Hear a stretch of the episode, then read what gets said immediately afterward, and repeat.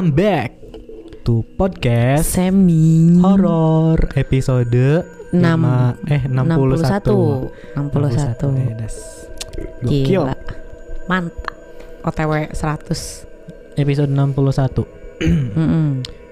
Langsung aja lah kita Langsung aja nih bacakan sebuah cerita horor. Sebuah cerita horor dari Akun Twitter At Shelal Fadila 1 Pupo Aku Rani Perempuan dewasa yang kini menginjak usia 27 tahun Orang-orang tidak percaya kalau aku berasal dari kota yang terkenal dengan begalnya. Karena wajahku terlihat kejawa-jawaan dan memang bapakku asli orang Jawa. Ibuku asli orang Lampung.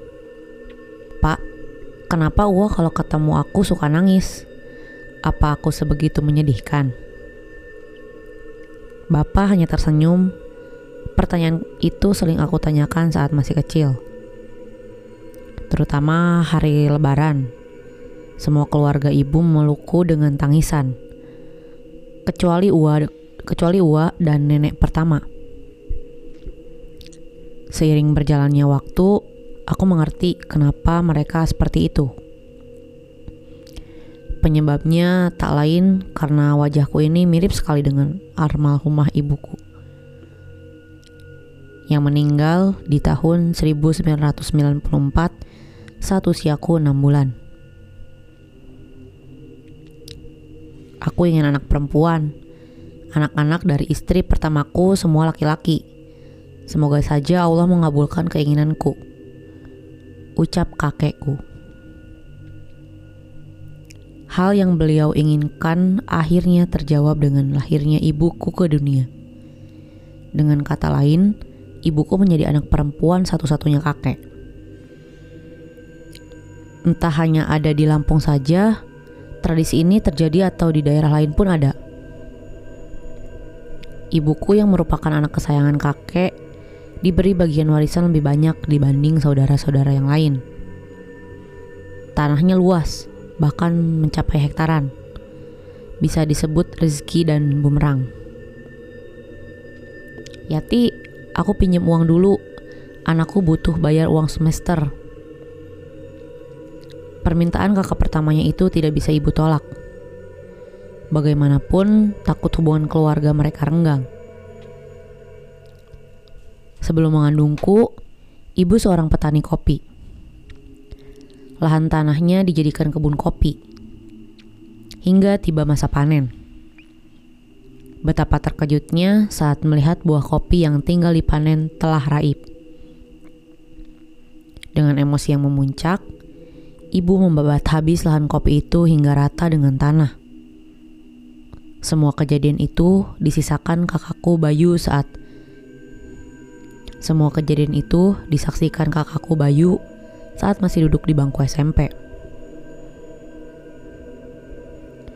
Mas, kenapa kopi saya kau ambil sepihak? Apa kurang selama ini aku memberimu bantuan? Maaf ya Ti, kamu tahu sendiri biaya kuliah anakku tidak sedikit.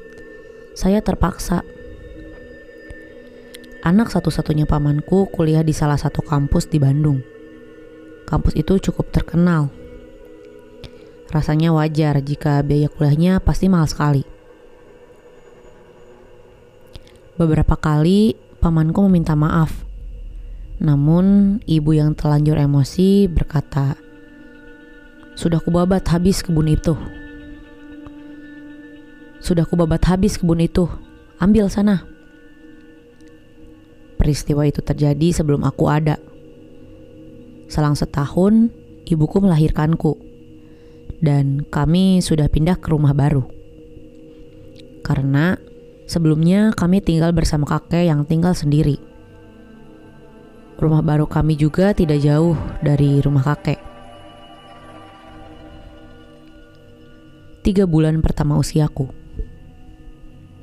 Bayu, bantuin ibu pindahin ade Diki ke kasur ya. Ibu mau nyusuin si cantik nih. Iya bu. Ibu menyusuiku sembari tiduran. Menyanyikan lagu-lagu penghantar tidur. Menurut kepercayaan, menurut kepercayaan orang sana, garis keturunan dari keluarga ibuku memang susah mendapat anak perempuan. Jikapun ada, ya hanya ada satu. Katanya salah satu dari kami, ibu dan anak perempuannya, pasti ada yang kalah alias meninggal. Seperti nenekku yang sudah melahirkan ibuku, tidak lama kemudian nenekku meninggal. Mungkin istilah itu berlaku juga untuk aku dan ibuku. Setelah bersenandung lama, ibu merasa lelah. Beliau membaringkan badannya. Ada hal aneh yang dia rasakan. Di bawah di bawah bantal tempat tidurnya, ibu merasa ada sesuatu yang bergerak. Bayu, ular Bayu, Kakakku berlari sembari membawa kayu untuk memukul ular, ular itu. Namun ular itu tiba-tiba lenyap begitu saja. Padahal tadi ular itu sudah bersiap untuk mematuk. Dan setiap kejadian aneh di rumah, Bapak selalu tidak ada. Beliau bekerja sebagai tukang bangunan yang bisa pulang sebulan dua kali bahkan berbulan-bulan. Setelah kejadian itu, ibuku mulai sakit parah. Beliau tidak bisa bangkit dari tempat tidurnya. Badannya semakin kurus, bahkan rambut ibuku rontok hingga tak tersisa. Setiap hari, ibu terus berhalusinasi. Seperti ada seseorang yang datang menghampiri. Namun, kakakku tak bisa melihatnya. Assalamualaikum.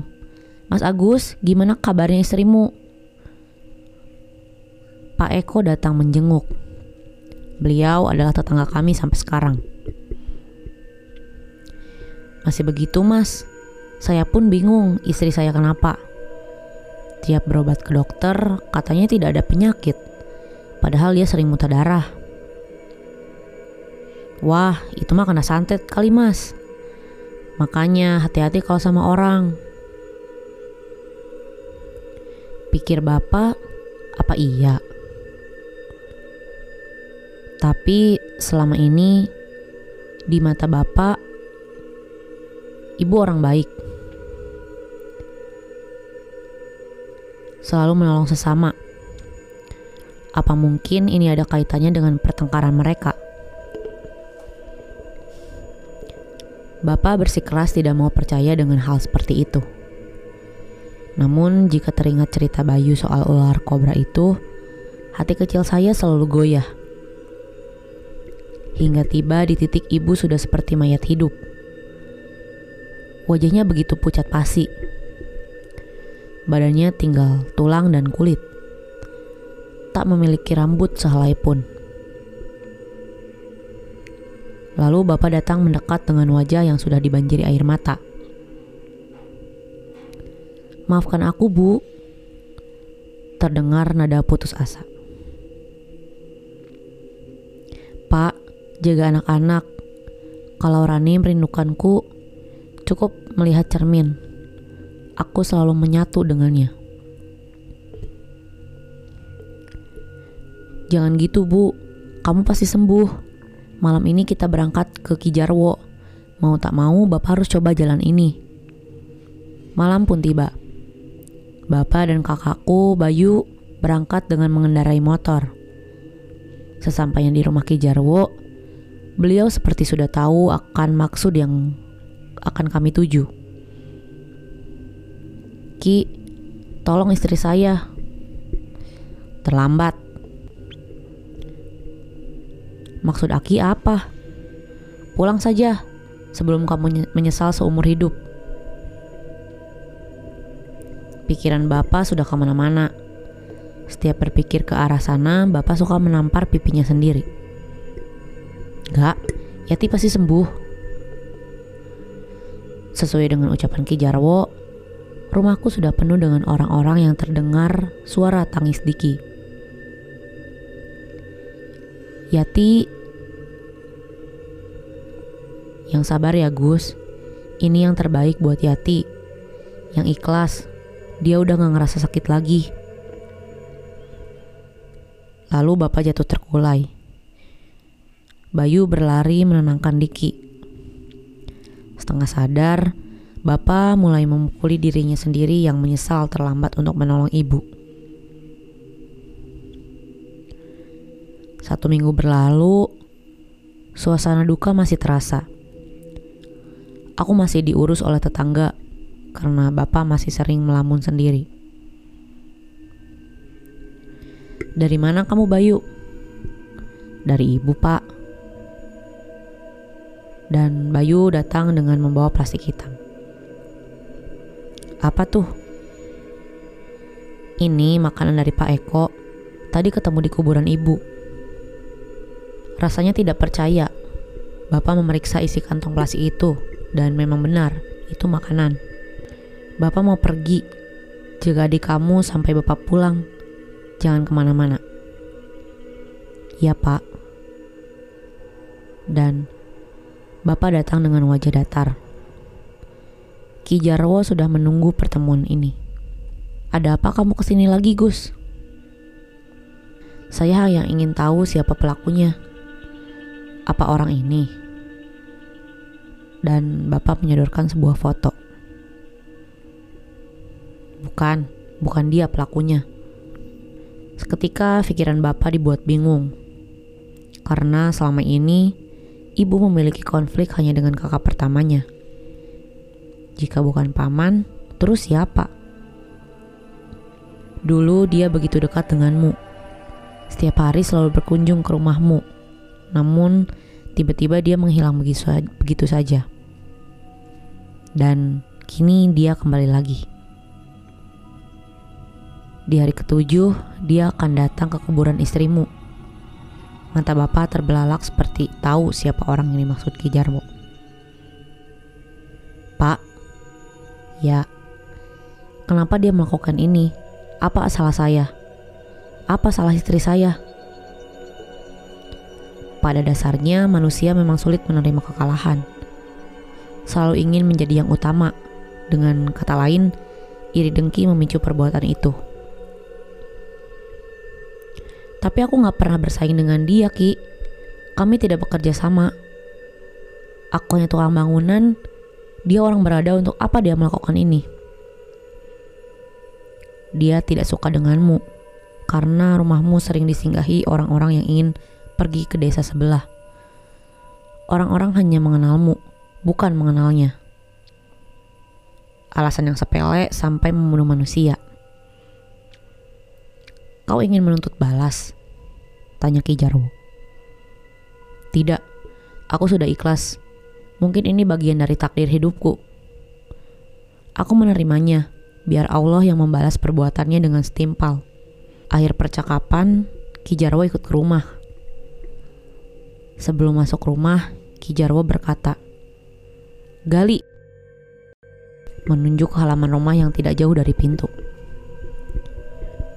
Tidak tahu awalnya kenapa digali, tapi setelah menemukan bungkusan kain putih, Bapak begitu tercengang. Baunya begitu busuk.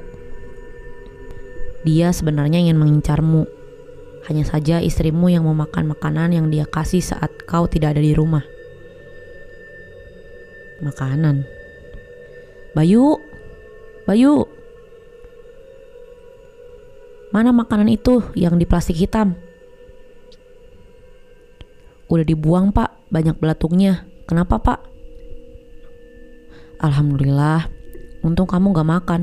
Kalau kamu sampai kayak ibu kamu, bapak pasti gila. Dari kronologi yang bapak ceritakan, si pelaku itu datang setelah ibu melahirkan. Mungkin dia menaruh bungkusan kain putih di bawah ranjang ibu saat itu. Ditambah ibu memakan makanan yang pelaku bawa. Bapak tahu kronologi ini dari kakakku Bayu. Beliau tidak tahu karena bapak sedang tidak ada di rumah. Dan akhirnya aku pun menjadi seorang piatu di usia enam bulan. Tamat. Sebuah cerita mistis, pengalaman mistis dari si Pupo. Pupu. Dia adalah seorang anak bungsu Hmm. dari keluarga kecilnya. Dia menceritakan pengalaman ini kembali ke perteluhan duniawi ya, persantetan duniawi setelah beberapa episode di podcast semi horor sudah membahas atau membacakan cerita dari kisah-kisah santet Iya, teluh. dan modusnya itu dia eh, memberikan makanan ya Iya, dan dibawa di plastik hitam tuh. dan juga mengubur Kain putih. kain putih Dan di dalamnya apa tuh? Nggak dikasih tahu ya? Kayak bau busuk aja gitu. Pas dibuka. seperti di episode-episode sebelumnya yang membahas cerita tentang santet. Ya. Dan tapi bedanya di episode ini eh, bukan karena Iri. hal yang besar, tapi Hmm, hal yang sangat sepele. Yang semua santet sih kebanyakan iri dengki, Iya sih. Walaupun alasannya karena alasan sepele ataupun alasan yang bisa diterima, Hmm, tapi ini nggak bisa dibenarkan juga. Iya. semua hal yang berbau santet ini diharamkan. Yang putih itu namanya buhul bukan sih? Yang kain putih itu ya? Hmm. Udah dibahas juga kalau nggak salah di episode-episode lalu tentang santet. Berarti eh, semenjak si ibu ini hamil anak bungsu ini, Hmm. si kain putih itu disimpan di bawah tempat tidurnya ya? Kalau nggak salah tuh tadi ceritanya. Terus sempat ada ular ya tadi. Hmm, mungkin si ular itu bisa jadi pertanda. Iya bisa jadi. Kan kalau santet-santet gitu kayaknya ada pertanda-pertanda kan? Hmm. Apa aja yang hewan-hewan kayak gitu tuh pasti ada. Waktu itu sempat ada mulai dari ular, terus juga ada monyet juga ya Hmm. di episode-episode sebelumnya. Iya iya. Di belakang rumah kalau nggak salah ya, Iya. kebun rumah tuh belakang. Dan memang di zaman yang sudah modern, Modern. perkembangan teknologi yang sudah pesat, memang masih banyak orang-orang yang melakukan praktek santet, ini. Santet ini. Hmm. Mungkin sama seperti di episode-episode sebelumnya, Mm-mm. ya kita ini sesama manusia lah.